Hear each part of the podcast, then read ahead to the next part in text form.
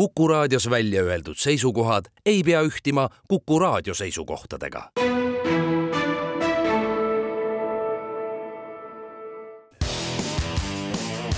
spordireporter. spordis kruvib pinget, Pahv üksteist ning seitse ja pool minutit on saanud kell, täna on kahe tuhande kahekümne kolmanda issand aasta septembrikuu kahekümne kuues päev. tere kuulama spordireporterit järjekorranumbriga kolmsada kakskümmend üheksa. kuulama kutsuvad teid Järve-Lott Tallinn, Susi Joosep Tartu meie saatega saab ühendust e-posti aadressil spordireporter at kuku punkt ee või Twitteris haaksõna spordireporter abil. niimoodi on võimalik esitada meile küsimusi, mõtteid, tähelepanekuid, millele vastamise võtame ette saate kolmandas osas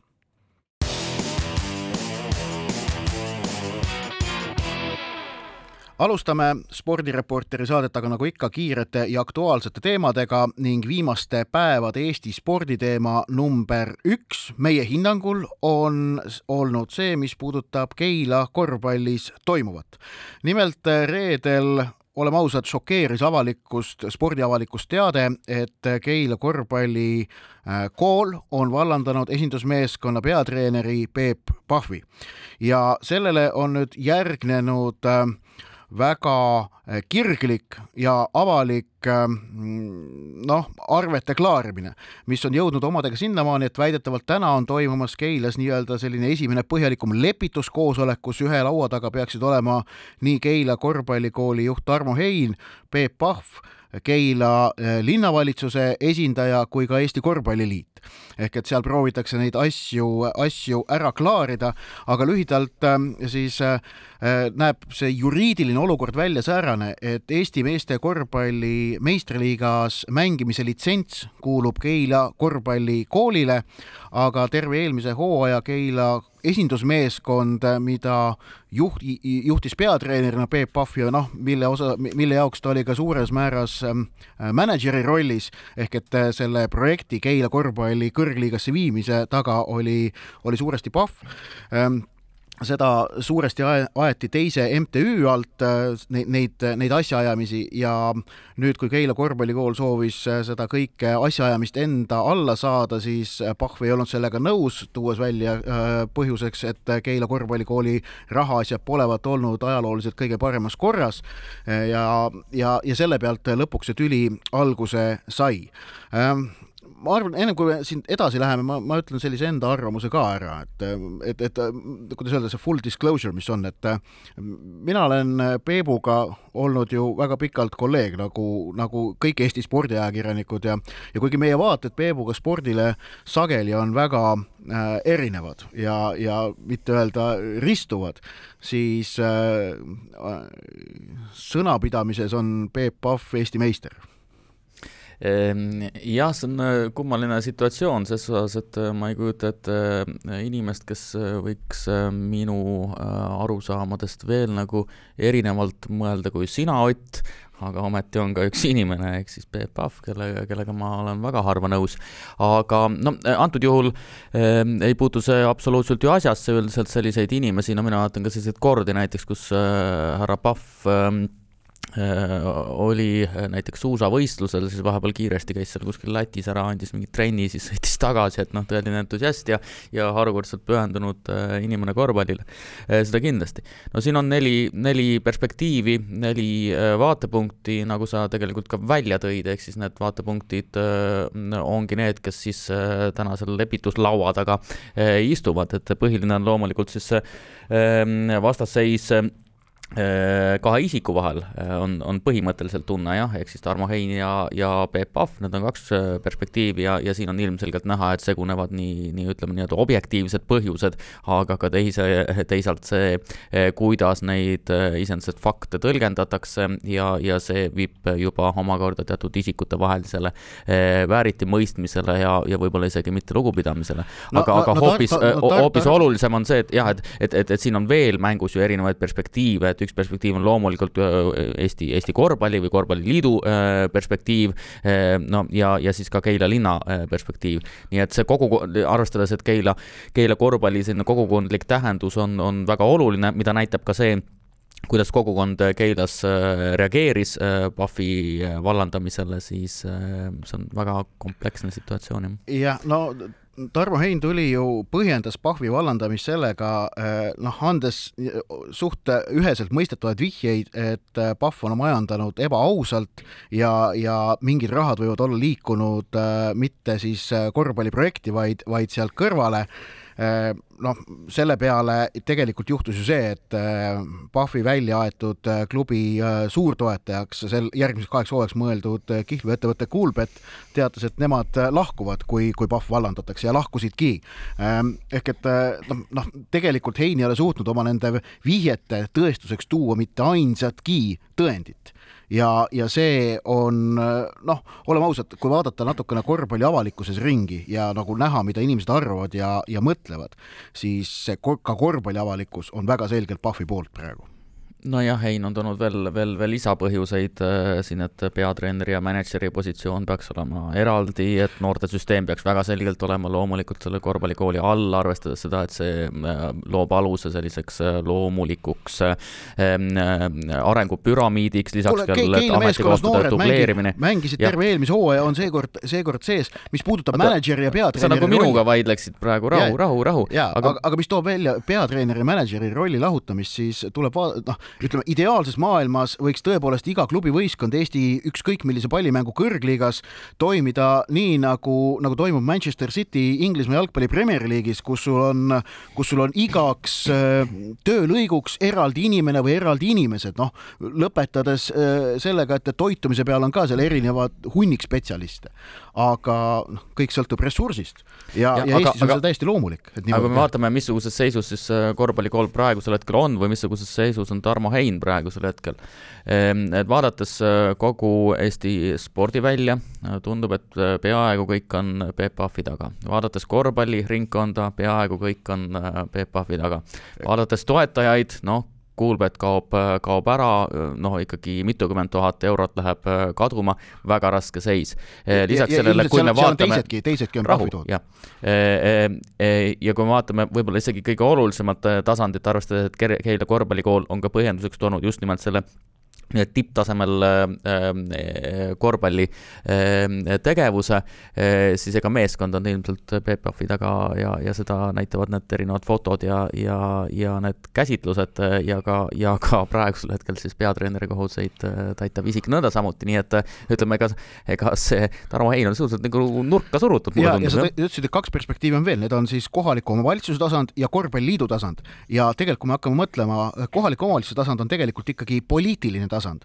Äh, poliitik teatavasti peab äh, nuusutama tuult, et kust suunast see puhub. Ning äh, kuna kogukond, meeskond, toetajad on kõik PAF-i taga, siis on ka loogiline poliitiline tasand nihkub sinnapoole, tõsi, nad peavad ennast võib-olla mõnevõrra diplomaatilisemalt väljendama. Ning lõpetuseks Korvpalliliit peab vaatama asja, ma arvan, pragmaatiliselt, mis on, mis on tõenäosus, et Keilas tipp Äh, korvpall selles mõttes ambitsioonika esindusmeeskonna näol säilib, siis ilma Pahvita äh, on see tõenäosus oluliselt väiksem kui Pahvi ka mm. -hmm. jah, ja siia või ütleme resümeeks võib öelda, et äh, olgu see, ütleme juriidiliselt, kuidas see seis on, kuivõrd palju on Heinal nii-öelda õigus, kuivõrd palju on see tõesti lugemisviis nendele faktidele või tõlgendusküsimus, aga et on jah ikka sellise toetuse puhul väga keeruline minna nii-öelda plõksima, jah. et, et arvestades, et noh, Pahvi positsioon siin spordiväljal on võrdlemisi, võrdlemisi oluline olnud või vähemasti ütleme, et ta on, tal, ütleme, seda mõju on, on, on omajagu, jah.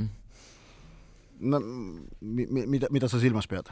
ei, ma lihtsalt mõtlesin, et viin kuidagi nii-öelda, jätan teen sellise avatud lõpu sellele teemale. okei okay., äh, korvpallijuttude lõpetuseks võib öelda, et jah, et äh, nagu ütlesime, teema number üks on olnud äh, Keilas toimunud, mis tähendab, et aga et..., aga, aga sellises olukorras, kus BC Kalev Cramo alustab eurosarja, kodune meistriliiga algab põnevus, no väga põneva kohtumisega, Kristjan Kangur lõpetab karjääri ja nii edasi ja me räägime siin Keila korvpallist, jah? jah, nii on, aga see, see on olnud ilmekas näide, et jah, tõesti, Kalev Cramo eile õhtul alustas, aga kahjuks kohe ka eurohooaeg meistrite liigas lõppes, sest sellest, et Rootsi meistrile Norrköping Dolphins kaotati seitsekümmend kaheksa, kaheksakümmend kaks, mis tähendab, et Kalev Cramoga sel hooajal mängib tugevuselt neljandas eurosarjas. FIBA Europe Cup, nende alagrupi vastused on seal Iisraeli ja Itaalia klubi ja äkki ja, ja keegi tuleb veel juurde, sama sarja kvalifikatsioonis osaleb ka Pärnu meeskond. nii palju korvpallijuttudest, tänase päeva jooksul on Keilast ilmselt uudiseid oodata.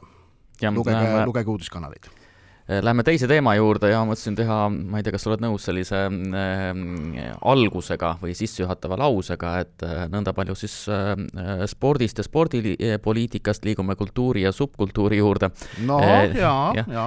äh,. nimelt nädalavahetusel toimus kahekümne kolmandat korda ekstreemspordifestival äh, Simple Session ja Tallinnas äh, oli kohal BMX-i rulasõidu maailma paremik äh,. rulasõidu võitis äh, muideks äh, Põhjala tehase Rohk arvulise publiku ees äh, kõigest kolmeteistkümne-aastane ameeriklane, ähm, ütleme nime ka, jah, Julian Agliardi äh, ja BMX-i tänavasõidus äh, võitis kindlalt Boyd Hilder. Ähm, no see ütleb nii mõndagi, et, ähm, et võidab kolmeteistkümne-aastane selline särav talent. Aga no rulasõidus on see, ei ole see üldse midagi ootamatut, kui me vaatame ka üle-eelmise aasta Tokyo olümpiamänge, kus rulasõit tegi oma olümpiadebüüdi, siis äh, näiteks äh, seal ju naiste rulasõidus äh, võitis hõbeda ka umbes sama vana jaapanlanna ja, ja pronksi Suurbritannia sõitja Sky Brown, kes oli samuti noh, varateismeline. ehk et äh, see, see on rulasõidus äh, täiesti nagu noh, mitte mida, mitte midagi erilist ja lihtsalt üks, äh, üks äh, selle spordiala eripärasid, küll aga sa mainisid ka Põhjala tehast ja, ja neid telekaadreid sealt vaadates, väga äge võistluspaik väga,, väga-väga äge võistluspaik ikkagi noh, võistluspaik, mis annab väga selgelt edasi ka terve minu meelest selle spordiala iseloomu, et äh, neil ei ole tingimata vaja neid tulesid ja vilesid äh,, vaid äh,, vaid, vaid on võimalik täiesti tippüritust teha ka sellises vägagi noh, tööstuslikus keskkonnas minu meelest, minu meelest väga äge, tõsi, muidugi publikut sinna liiga palju ei mahu, mistõttu ka korraldajad mainisid, et, et edaspidi kaalutakse Unibet Arenale naasmist, kus Simple Session ju pikalt pesitses. tõsi, järgmine aasta võisteldakse Tartus, kus Simple Session äh, kakskümmend kolm aastat tagasi alguse sai jah, no tuleval aastal on põhjus ju selge Tartu kultuuripealinna äh, kontekstis, aga äh, jah, see äh, üritus on juba noh, traditsiooniliselt ikkagi selline, ütleme, suure osa Eesti spordi aasta tähtsündmus, jah. et on noh, ütleme omaette täiesti spordist mõtlemise viisi või spordile lähenemise viisi selline essents äh,. tähistus, selle, selle mõtteviisi tähistumine. jah, ja lisaks sellele on seal seal tõesti ka väga oluline rahvusvaheline mõõde ehm, ja, ja veel erinevates tõesti ikka kultuuriruumides, ehm, mitte ainult selline angloameerika, ma ei tea, X-mängude keskne, ehm, keskne kultuuriruum, et see on ikkagi oluliselt avaram ja tegemist on ikkagi maailma nii-öelda maailmaspordiga jah, üle, ülemaailmse spordiga peaaegu.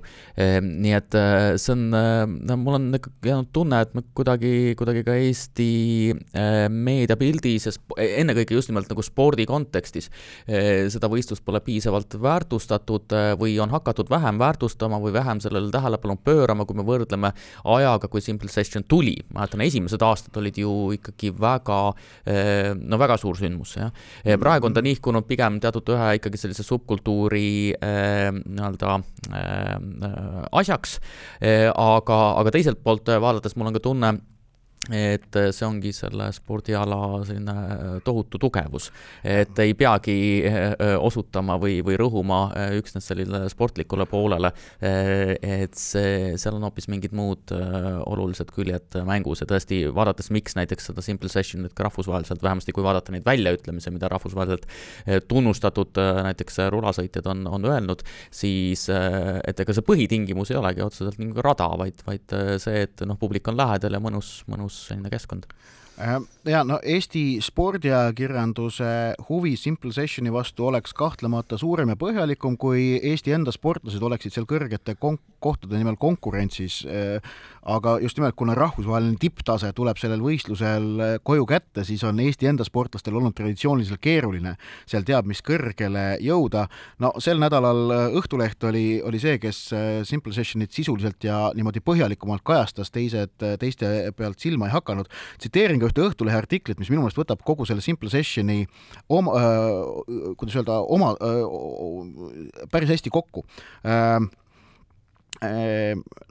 tsiteerin, nad võtavad asja tõsiselt, lihtsalt eesmärgiks pole punktid ja medalid, vaid ägedad videod, fotod ja emotsioonid, eelkõige emotsioonid. rulatamine on elustiil, eneseväljendus, lõbu vot, mis, mis, mis ongi ikkagi ähm, selgelt lahknev sellest arhetüübist, mida me muidu tippspordiga oleme harjunud seostama, ehk kus on need higi, veri ja pisarad ehk et äh, rulasõit ja BMX, äh, seal verd küll näeb ja, ja kui mul olümpiaraadios äh, üle-eelmisel nädalal oli külas Eesti üks juhtivaid rulasõitjaid Raul Urberg, siis ta rääkis parajasti, kuidas ta oli endal jala täiesti puruks kukkunud ühte, ühte trikki proovides, ehk et valu tuleb ka seda sporti tehes paraku tunda.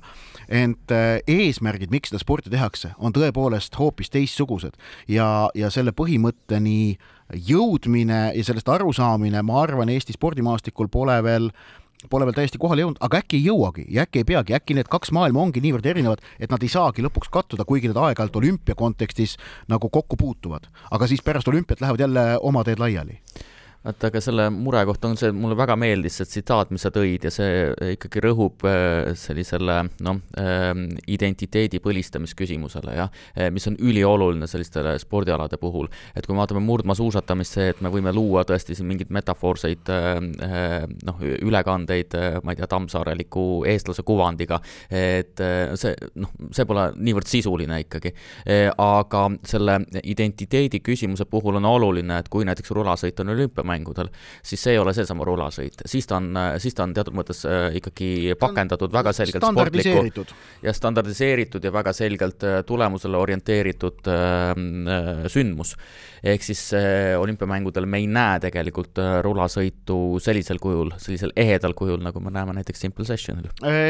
no Simple Session olümpia on ikkagi päris sarnased juba, seal ikkagi mõlemal sõidetakse võidu peale ja punktide ei peale. no eks nad võidu peal sõidavad ikka jah, loomulikult, aga siin selles mõttes pole pole, pole küsimust, aga ikkagi see, see äh, kuidas siis seda vibe'i öeldakse, võnge. see võnge on ikkagi erinev. aga võngesti, võngesti mõtteviisist rääkides, siis mul äh, Äh, tuleb meelde selle peale praegu, see oli kahe tuhande kümnendate algus, kui ma Simple Sessionist ühte äh, kir kirjutasin Õhtulehes, kui ma, kus ma toona töötasin ja, ja nimed ei ole meeles, aga ühesõnaga maailma juhtivad rulasõitjad, kes olid kohapeal, nendega rääkides ütlesid nad mulle, mille ma panin ka pealkirjaks, olümpia vajab meid rohkem kui meie olümpiat.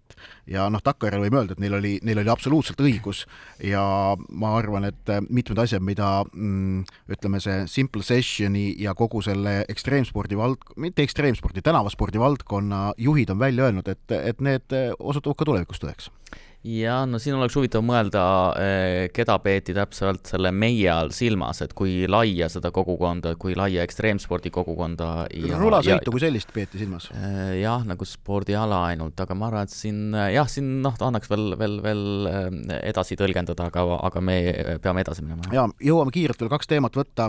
teema number kolm ning siirdume välismaale.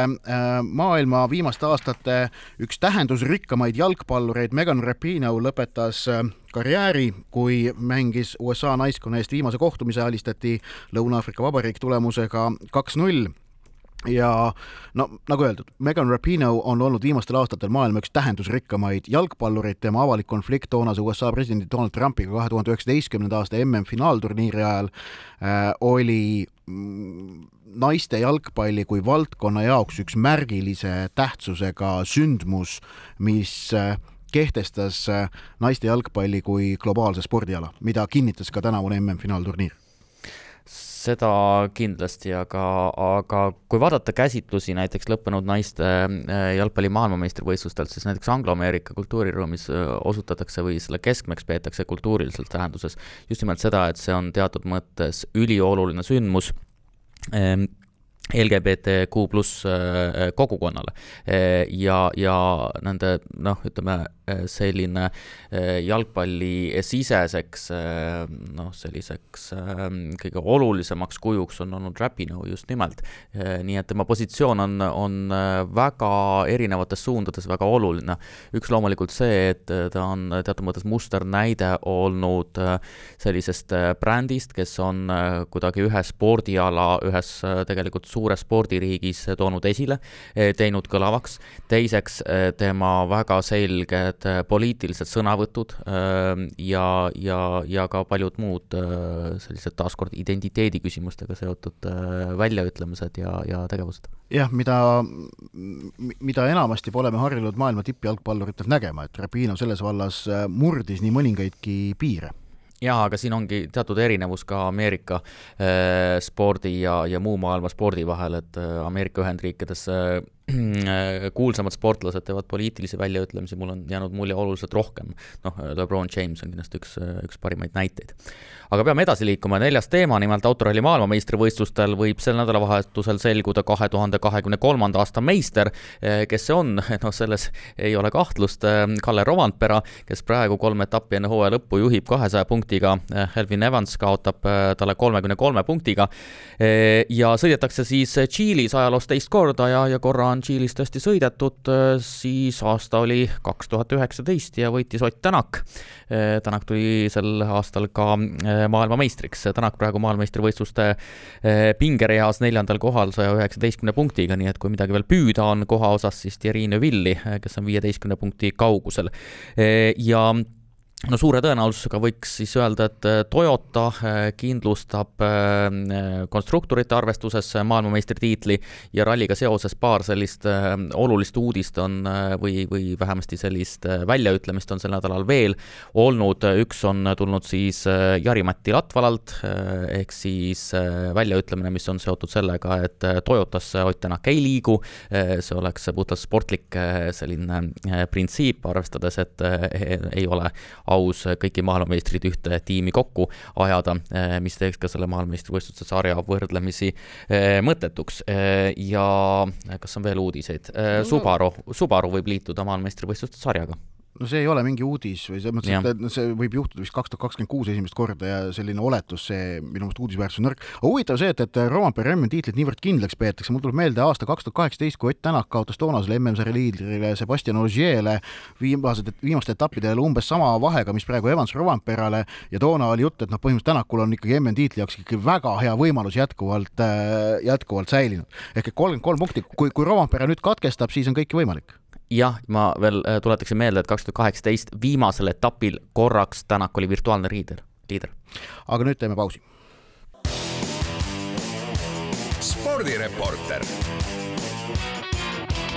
spordis kruvib pinget, Pahv spordireporter jätkab ning räägime Eesti mm, sportlaste teekonnast järgmise aasta Pariisi suveolümpiamängudele möödunud nädalal toimusid Serbia pealinnas Belgradis maadluse maailmameistrivõistlused, kus äh, olid mängus ka olümpiapiletid, iga äh, kaalukategooria, mis olümpiakava kuulub, viis paremat selle endale lunastasid.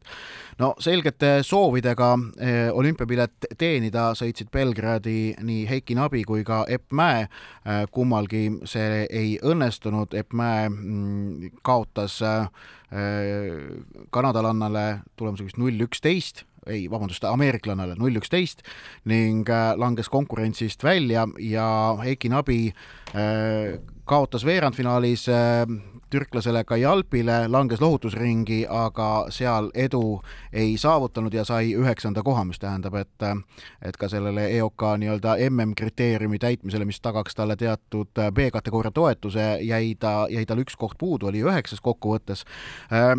mõlemal Eesti esi, juhtival maadlejal tuleb nüüd olümpiapääset püüda kevadel, kui toimuvad nii esmalt Euroopa ja siis maailma nii-öelda lisavalikturniirid või viimased, viimased Äh, võimalused olümpiapääset teenida on siis seal aga nagu on ka välja toodud Eesti spordiajakirjanduses, siis tegelikult ega maadlus oli, maadluses, mis, mis oli kahtlemata noh, ebaõnnestumine, et ühtegi olümpiapiletit ei tulnud.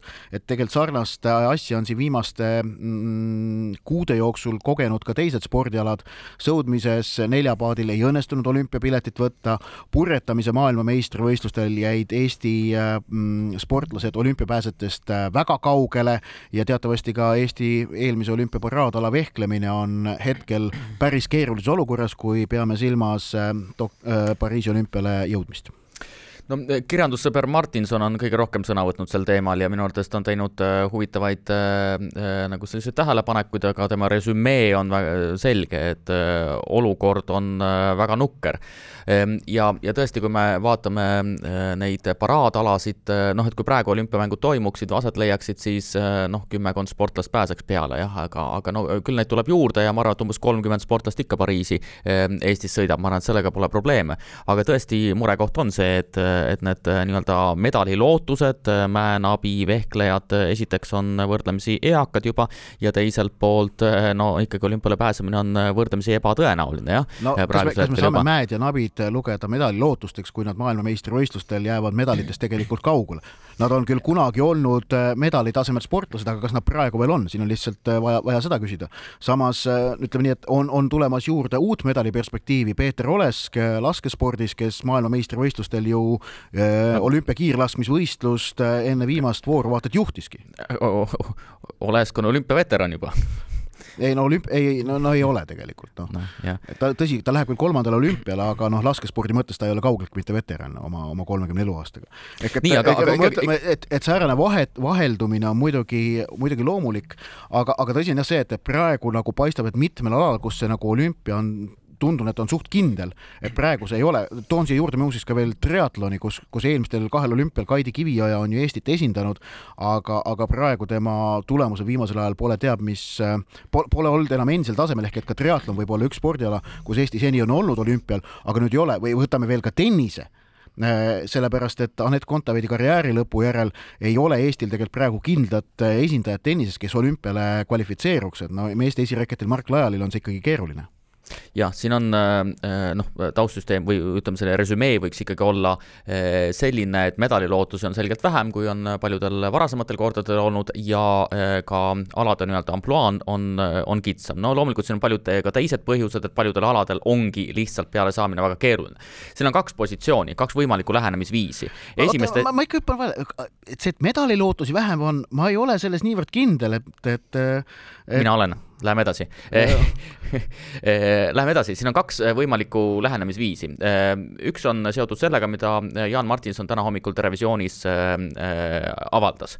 no ma teen lihtsa resümee, jah ja eh, tema, no ütleme, arusaam oli selline, et enne ei hakka saama medaleid nagu teised suured väikeriigid, kui eh, riigiisadel käib klõks läbi ja eh, nad saavad aru, et medaleid tuleb toota riiklikult, nagu said sellest aru kanadalased. Ehm, ja, ja kuna medalivõitjate autasustamine on laulupidude kõrval teine selline rahvuslik üritus, mis Eesti rahva kokku toob, siis see on väga oluline ja Eesti spordiriigina peaks seadma kindlad eesmärgid, näiteks riiklik eesmärk kolm medalit suveolümpiamängudel, kaks medalit taliolümpiamängudel ja medalid ei maksa vähe. plaanimajandus see on, mida nii, see on üks tasand. teine tasand on, äh, teine, teine äh, lähenemisviis on selline, mida ma usun nagu rohkem, et, et minu arvates spordiväli nihkubki, et kui me vaatame spordiregistrit, eh, siis ka nendel individuaalaladel tegelikult ega harrastajate hulk ei ole vähenenud, noorte harrastajate hulk ei ole, ei ole vähenenud, pigem, pigem vastupidi, peaaegu kõikidel olulistel spordi, spordialadel, individuaalspordialadel. et minu arvates äh, võiksime ümber hinnata äh, selle, miks hakatakse üldse sporti tegema, et tippspordi positsioon üldse äh, noorte harrastajate seas ei ole see keskne ja teiselt poolt spordis endas, spordisiseselt olümpiamängude tähtsus on vähenemas, et sport ei ole enam maailmas olümpiamängude keskne, nagu ta pikka aega oli. ja tegelikult võiksime isegi öelda, et kui kui ei oleks olümpiamängudel sellist olümpiakaubamärki, siis oleks olümpia üldse eh, mingil moel ohus, vähemasti tema selline eh, domineeriv eh, positsioon. noh, ja siit võime edasi arendada loomulikult ka seda, et Eesti spordi katuseorganisatsioon ei peaks olema olümpiaga otseselt seotud, ka nimeliselt näiteks, ja ka Eesti spordi rahastus ma arvan, et äh, kusagil kümne aasta pärast ähm, tuleb ikkagi ümber hinnata see, et see ei, ei, ei peaks olema niivõrd selgelt seotud olümpiamängudega, tõsi, kui see ei ole seotud olümpiamängudega, on peaaegu võimatu leida mingit muud kriteeriumi, et üldse seda üleval üles ehitada. Tähendab, esmalt see, et olümpiamängud kui üritus on oma juhtiva koha spordimaailmas juba mõnda aega tagasi jalgpalli maailmameistrivõistlustele ja jalgpalli suurturniiridele kaotanud, seda nii majanduslikus kui ka maine mõttes, see on, see on, see, seal peab vaatama lihtsalt rahanumbreid ja see on fakt, fakt. Ähm, samas olümpia ma, ma arvan, kokkuvõttes nagu selle magnetina toimib jätkuvalt. nüüd spordi ümberkorraldamine niimoodi, et me ei võtaks arvesse äh, spordiala olümpia staatust, ma arvan, oleks äh, vähemalt hetkel küll lühinägelik, sellepärast et äh, vaadates natukene globaalsel tasemel ringi, siis olümpia staatus üldjuhul tagab spordiala puhul, annab garantiid, et see on adekvaatselt et, et, et, et seal on ikkagi adekvaatne rahvusvaheline konkurents äh, olemas. tõsi, on teatud valdkonnad, kes ei ole ise tahtnud olümpiale, olümpiaga ennast siduda või pole olümpia neid tahtnud, mis, mis tegutsevad samamoodi autonoomselt ja edukalt, no ma toon välja maailma kõige üks noh, populaarsem spordiala, mis ei ole olümpiakavas, on kriket, siis võtame kogu automoto tehnikaspordi ja kolmas valdkond ma tooksin välja on e-sport. Need on, need on need kolm suurt valdkonda, mis, mis ilmselt ei ole praegu olümpiaga midagi seotud. Rugby rugby ja golf, mis pikalt olid samamoodi nagu kõrvased, ju ennast äh, olümpiaga ikkagi kaks tuhat kuusteist sidusid jah, see on väga õige, et kui ala on olümpiamängudel, siis mingi tõsiseltvõetavus seal on, eh, olgugi et paljud spordialad pole, ütleme, rahvusvahelisel tasandil üldse olulised eh, või on oma olulisuse, oma positsiooni täiesti loovutanud. nii, aga ma olen, tähendab, tuleb just nimelt selle teine perspektiiv ka eh, nagu pöörata, et see, et üks spordiala ei kuulu olümpiamängudele, ei ütle eh, tingimata mitte midagi selle spordiala eh, tõsiseltvõetavuse eh, olulisuse rolli kohta. Ja liiati täpselt see sinu tsitaat, mis sa sellest intervjuust välja võtsid, kuna kunagi Simple Sessionil. et väga paljud sellised uued alad, näiteks ekstreemsport on olümpiamängudel ja sellises olukorras kus olümpiamängud vist vajavad tõesti natukene rohkem seda ala, kui see ala neid olümpiamänge. ehk siis selle spordiala siseselt ei pea tingimata olümpiamängud olema eh, kõige olulisem, noh, see nii samamoodi tennises, golfis eh, ja nii edasi, no tennises on natukene hakanud see muutuma, aga, aga olgu peale. ja ma hüppan tagasi veel selle riikliku medaliplaani juurde, täna hommikul torkas äh, seda Terevisiooni intervjuu järel torkas mul sotsiaalmeediast silma järgmine tähelepanek tsiteerin, Martinsoni riikliku medalimasina unistus tundub kui NSV Liit, mis teha, vanad ajad ei lähegi meelest. ja, ja tõepoolest mingit sellist riiklikku medaliplaani või, või medaliprojekti korraldada, see oleks äh, rumalus ja äh, kui mõned suurriigid äh, ka demokraatlikus maailmas sarnaseid kavasid ette võtavad, siis ei tähenda see, et Eesti jaoks oleks see õige tee ja, ja ma ikkagi tahan küsida, aga kellelt me siis raha ära võtame? Eh, eh, et, et hakata nii-öelda tootma medaleid, kas me võtame ära õpetajatelt, päästjatelt, eh, jätame ehitamata koolimajad, no mida me teeme? ehk et ei, ei tasu elada selles lollis maailmas, kus raha tuleb seina seest või eelarvest. raha tuleb ise välja teenida ja jätkuvalt Eesti spordisektori kõige kasutamata ähm, kõige enam kasutamata võimalus äh, lisavahendeid leida on, on erasektorile enda vajalikkust tõestada jah, eh, mina teen eh, nagu lõppkokkuvõttes sellise lahenduse, et ma, ma mõistan väga hästi selle eh, Jan Martinsoni mure ja, ja minu arvates see on täiesti arusaadav, aga tõsi, selline medali, noh, medalile orienteeritus või tulemusele ainult orienteeritus ei ole minu arvates üldse nagu, nagu noh, mingisugune lahendus. no lahendus on väga selge, lahendus peitub nagu kõikidel probleemidel juba nagu Eesti betoonehitise mured on seotud juba sellega, mis tehakse põhikoolis, nagu me teame ja nagu paljud pealkirjad ütlevad. et tegelikult selline liikumisalane kirjaoskus on, on kõige tuum, mis tegelikult äh, ähm, lõpuks äh, avaldub mingil määral ka äh, medalites ja see on see kese, kuhu peab oma ressursid suunama. ehk siis, ehk siis ikkagi liikumisalasesse haridusse ja, ja teadlikkusse, teadlikkusse käitumismudelisse. et aga see lihtsalt selle murekoht on see, et see võtab kümneid ja kümneid aastaid. jah, medalid kasvavad tegelikult altpoolt niimoodi rohujuure tasandilt üles, mitte ülevalt allapoole, neid ei tellita, aga nüüd teeme pausi spordireporter. spordis kruvib pinget, Pahv spordireporter alustab ja meie kolmas osa algab alles siis, kui kell on juba kolmveerand kaksteist, läks, läks pikale nüüd esimese kahega. võtame ruttu mõned küsimused. Erki tahab teada, Pariis Saint-Germain on proovinud tosin aastat meistrite liigat võita ja katsetanud läbi pea kõik moodused, alustades David Beckhamist, jätkates kõigi mõeldavate staartreeneritega ning lõpetades Neimari ja Lionel Messiga. paistab, et nüüd proovitakse prantslastega, sest edurivis on Kylian Pape kõrval Randal Colomuani ja Usmane Dembele. vaadates nende kindlat kaks-null võitu Dortmundi Borussiale, tundub mulle, et see valem võib täitsa töötada. kuidas teile? ja loomulikult võib see valem töötada, kui sina lõpetasid eelmise teema sellega, et äh, nagu medaleid ei saa osta, loomulikult saab, medalil on selge hind äh, põhimõtteliselt, see on välja arvutatav, et kui me teatud summa äh, siis pumpame sporti, on võimalik äh, osta tulemus.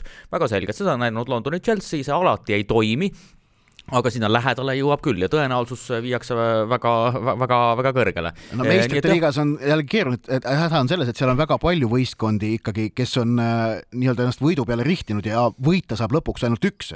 ehk et noh, hetkel ikkagi Manchester City on selge soosik number üks, jah, BSG, see esimene mäng oli lootustandev aga, aga noh, parimal juhul nende võimalus meistrite liiga võitjaks tulla on viisteist, kuusteist protsenti, mitte rohkem hooaja alguses jah, noh, umbes midagi sellist, no protsente ma ei oska öelda, aga, aga ütleme, loogika on küll selles, et pumpan raha sisse ja küll saab ja teen seda prantslastega, kes võib-olla mängivad ka paremini kokku, siis see tõenäosus viiakse juba, juba päris noh, tähelepanuväärseks. võita meistrite liiga tõenäosus viisteist, kakskümmend protsenti, mis sa välja tõid, ma ei tea, kus, mis arvutuskäiguga, aga see on väga kõrge protsent, ülikõrge protsent. viisteist, no Man Cityl on rohkem ja seal on järgmine seltskond suht ühtlaselt ja, ja siis eriti rohkem neid ei olegi.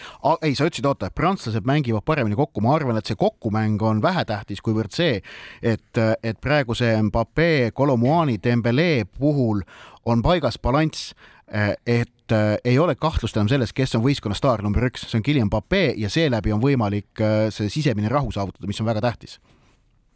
nii, Sander küsib, kas ähm, küsib Karel Tilga võitis kümnevõistluse tänavuse hooaja sarja ja kolmkümmend tuhat eurot auhinnaraha, kui sageli Eesti sportlased sääraste auhinnasummadeni küünivad niimoodi ühekordsena ikkagi päris harva, eriti pärast seda, kui nüüd äh, Anett Kontaveit ja Kaia Kanepi enam maailma nendes noh, kõige tippmistes äh, sfäärides ei liigu äh,. talispordis MK-etappide eest sääraseid äh, isegi kui Elli Silder on selle MK-etappe võitnud, siis säärane auhinnaraha ikkagi ühe korra eest ei tule, aga samas Tilga puhul tuleb ka silmas pidada, et see on ikkagi hooaja äh, kokkuvõttes pandud välja säärane auhinnaraha kümnevõistluse sarjale.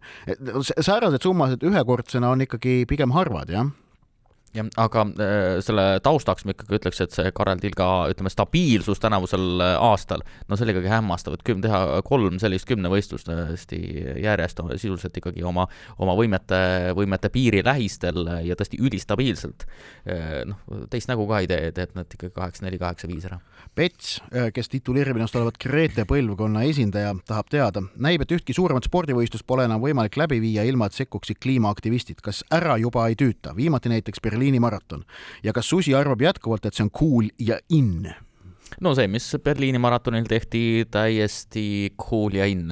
Eh, jah, kindlasti eh, täitis oma eesmärki, jõuti eh, meediasse ja otseselt mingit põntsu spordivõistlusel ei jätnud see, arvestades, et sündis ka naiste maailmarekord veel mingi kahe minutiga parandati, nii et kõik said oma. ilus, ilus spordivõistlus ja, ja väga oluline ka demonstratsioon. spordivõistluste rikkumisega kliimaaktivistid, ma endiselt ütlen, on kontraproduktiivsed aktiivsed. aga rohkem meil praegu küsimusteks aega ei ole, meil jäi paar tükki varusse, võtame need järgmine saade ette, nüüd aga väike paus. spordireporter. spordis kruvib pinget, Pahv spordireporter on jõudnud lõpusirgele ja meie saate viimane teema tõukub geniaalse Rasmus Mägi väljaütlemisest Eesti Rahvusringhäälingus. nimelt mõtiskles Rasmus Mägi eh, küsimuse üle, eh, mis suunas võiks liikuda maailma kergejõustik ja õieti tegelikult selles suunas, kuidas eh, muuta kergejõustik populaarseks või kuidas hoida kergejõustiku positsiooni. ja ta tõi esile kaks väga olulist tasandit, esimene tasand on see, et tuleb keskenduda väikestele lugudele tsiteerin, "Eh, seestpoolt just seda näengi, et kõik sportlased, kes sel karussellil tiirlevad ja on tiitlivõistlustel, lood ongi tohutult erilised ja pigem on põnev, kuidas seda saaks presenteerida, välja tuua, näidata, mis tingimustes erinevad sportlased tulevad, mis on võimalused erinevates maailmajagudes. see oli see esimene tasand.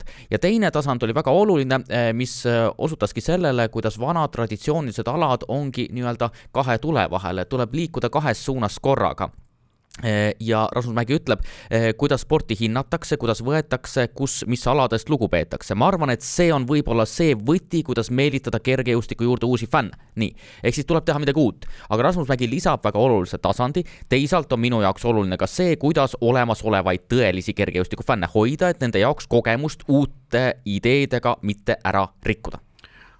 tegelikult me naaseme praegu suures plaanis juttudega sinna, kus me selles saates oleme juba kaks korda olnud. teise teema Just. puhul, kui me rääkisime Simple Sessionist ja selle äh, kultuurilisest mõjust ja äh, selle erinevusest teistest äh, ütleme, klassikalisematest spordialadest ja samuti viienda teema puhul, kus me rääkisime Eesti olümpiateekonnast ja sa tõid välja selle, et, et üleüldse Eesti spordimaastik võib olla ümber kujunemas sinna suunas, et kuivõrd palju on see olümpiale tuginev ehk et maailma maailmaspordi maailmas. No Eesti ja maailma. ja, ja no jah, ja, ja, ja tegelikult siin puhul me, siin selle Rasmus Mägi tsitaadi puhul me näeme ju sama ehk et, et mm, kuhu mm, kuhu ja kuida-, kuidas edasi minna olukorras, kus konkurents on muutunud spordialade vahel üha tihedamaks, kuidas leida see tasakaal enda äh, näo säilitamise ja relevantne olemise vahel ja ütleme, paljud sellised suured alad on liikunud selliste paljude eri tasanditel avalduvate lugude, narratiivide suunas. näiteks jalgrattasport, millel see ongi omane. kergejõustik on äh, pikka aega lähenenud just nimelt nii-öelda isikukeskselt, et mõne isiku ümber on ehitatud suuresti see ala, ala üles, noh, Bolti aeg on kõige selgem näide. jah, kergejõustiku kui sellise brändi meil ju ei ole milles, milles seisneb kergejõustiku bränd, tegelikult ei ole seda asja no ma ei tea, mingil määral ikka on, aga eh, ma ei oska täpselt seletada, milles see seisneb, aga ütleme eh,, Mägi nagu ettepanek või nagu mõte on selles mõttes väga õige, et tegelikult neid lugusid on seal hästi palju ja tõesti nagu väga huvitavaid lugusid. kergejõustik on just see, selle kergejõustike eripära ongi see, et sinna tuleb kokku tõesti noh no, kõige nii-öelda keerulisemate elulugudega inimesed, noh, see on tõesti selline eh, kui ma olen kergejõustiku maailmameistrivõistlustel käinud või tiitlivõistlustel käinud eh, eh, kergejõustikku kajastamas, siis on tõesti hämmastav on lugeda neid lugusid, kust keegi pärit on, kuidas ma ei tea, keegi tuleb ja põgeneb sealt Somaaliast no,. sinna tuleb, sinna tuleb palju, nad tulevad sinna kokku sellepärast, et kergejõustiku maailmameistrivõistlustel on väga palju sportlasi, üle kahe tuhande, enamikel maailmameistrivõistlustel kaugeltki mitte niivõrd palju ei ole ja teiseks jah, ta on, e-, seal on esindatud väga erinevad piirkonnad. ma, ma ei arva, et kergejõustik sellepärast nagu teistest eriti erineb, küll aga on see, et kergejõustiku äh, jah, võti enda paremaks Äh, esitlemiseks on see, et, et see, et see, et see, kuidas, kuidas see lugu pakendada, see on nende jaoks see, see küsimus. Ja sellega kergejõustik on seni, seni hädas olnud ja noh, sportlased ise ei taha, et spordiala liialt muutuks. Ja ma arvan, ka spordiala tõsifännid ei taha seda, et see liialt muutuks. Äh, kergejõustikul on selles mõttes ähm, noh, vaja võidelda enda, enda selle identiteedi säilitamise eest jah, sest äh, paljudel spordialadel me näeme just äh, väga tihti seda, et kui hakatakse neid samme äh, ette võtma, mis muudab väga selgelt ka selle ala kuidagi nagu olemisloogikat ja no siis tekib väga suur tõrge ikkagi, ütleme, seal on vähemasti esialgne tõrge vanadel nii-öelda tõsiusksetel poolehoidjatel, kes on seda ala kümneid aastaid jälginud. see on väga paljudel aladel juhtunud minu arvates ja, samas... ja mäletad reaktsiooni näiteks murdmaasuusatamises, aga, aga noh, ütleme sellest saadi see... üle, aga põhimõtteliselt see loogika ega, ega ka rannavõrkpalli peeti alguses mingisuguseks natuke naljakamaks asjaks ja, ja korvpalli sees oldi ka kolm versus kolm versiooni vastu esmalt skeptilised, aga mõlemal puhul on, on sellest saanud ikkagi täisväärtuslik äh, täiendus sellele spordialale ja no see on ikkagi pea, peamiselt peaaegu nagu, nagu teine spordiala, ma pean pigem nagu silmas seda olukorda, kus tõesti näiteks võrkpall läks ju täiesti teise teed, et võrkpalli sisemine loogika muutus täielikult, kui mindi viieteistkümne punkti pealt kahekümne viie peale. see oli väga hea serv... käik. loomulikult see oli turunduslikult väga hea käik, aga alguses seda tõrget, ma ei tea, kas sa mäletad? no ja mäletan, ma olen ja... vanem kui sina, ma mäletan. Jah, Äh, aga ikka veel näed nii noor välja, aga, aga ütleme, see teine pool, mis Rasmus Mägi välja tõi, minu arust väga õige on just see, et, et see ongi nii-öelda kahesuunaline jah, me peame arvestama seda, see on tegelikult kogu olümpiamängude äh, nagu selline põhi, põhimure või põhi selline dilemma. kuidas liikuda edasi nende lugude suunas, äh, mis tegelikult äh, on inimestele tähenduslikud ja olulised. Äh, ja teiselt poolt, kuidas hoida äh, seda senist äh, äh, fännkonda, senist äh, fännibaasi, et, et tegelikult me ei muuda seda selle ala nii-öelda essentsi või olemust, umbes nagu on Varr teinud jalgpallis Äh, Varr on jalgpallile mõjunud muidugi hästi, äh, selle, see siinkohal tuleb äh, seda, seda veel küll algus oli, see pole oluline praegu, jah? Aga, aga noh, kuidas liikuda nende lugu suunas, tegelikult noh, valem on väga lihtne, et nende lugude rääkimisega tuleb näha vaeva, tuleb julgeda minna detaili, sest detail on lõpuks see, mis köidab publiku tähelepanu, kui see detail on huvitav. ehk et ei ole võimalik niimoodi üldsõnaliselt trafaretselt öeldes, et näete, meil on siin maailmameistri meistrivõistlused, need on väga tähtsad võistlused, siia tulevad kokku paljud suurepärased sportlased ja seetõttu me on, on, on, on kindlasti vaja, et te seda vaataksite, sest kui te ei vaata, siis te jääte millestki tähtsast ilma.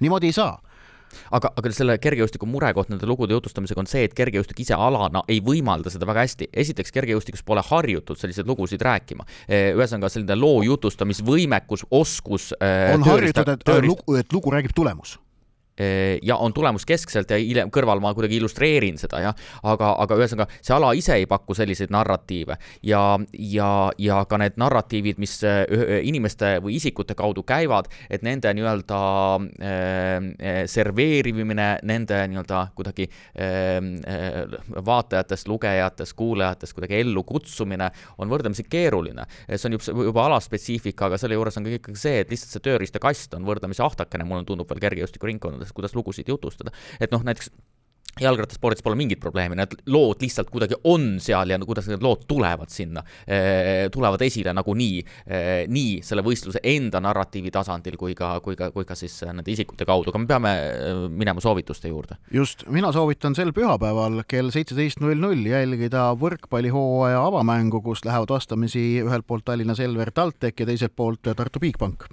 mina osutaksin sellele, et kaks aasta, kakssada aastat tagasi William Webb Ellis äh, leiutas, nii-öelda leiutas sellise spordiala nagu rugby ja seda tähistatakse tänavu äh, Prantsusmaal, kus praegu on juba käimas rugby maailmameistrivõistlused. põnevaid kohtumisi on palju olnud, aga neljateistkümnendal oktoobril küll alles äh, algavad nii-öelda sõelmängud, aga juba ülehomme näiteks tuline vastasseis Jaapan, Samoa ja see pole niisama nalja vastasseis, vaid siin vastasseisus või võib, võib otsustavaks saada, kes läheb edasi aga saate lõpetuseks soovime ühe lauluga jõudu tänasel Keila lepituskoosolekul osalejatele. spordireporter. spordis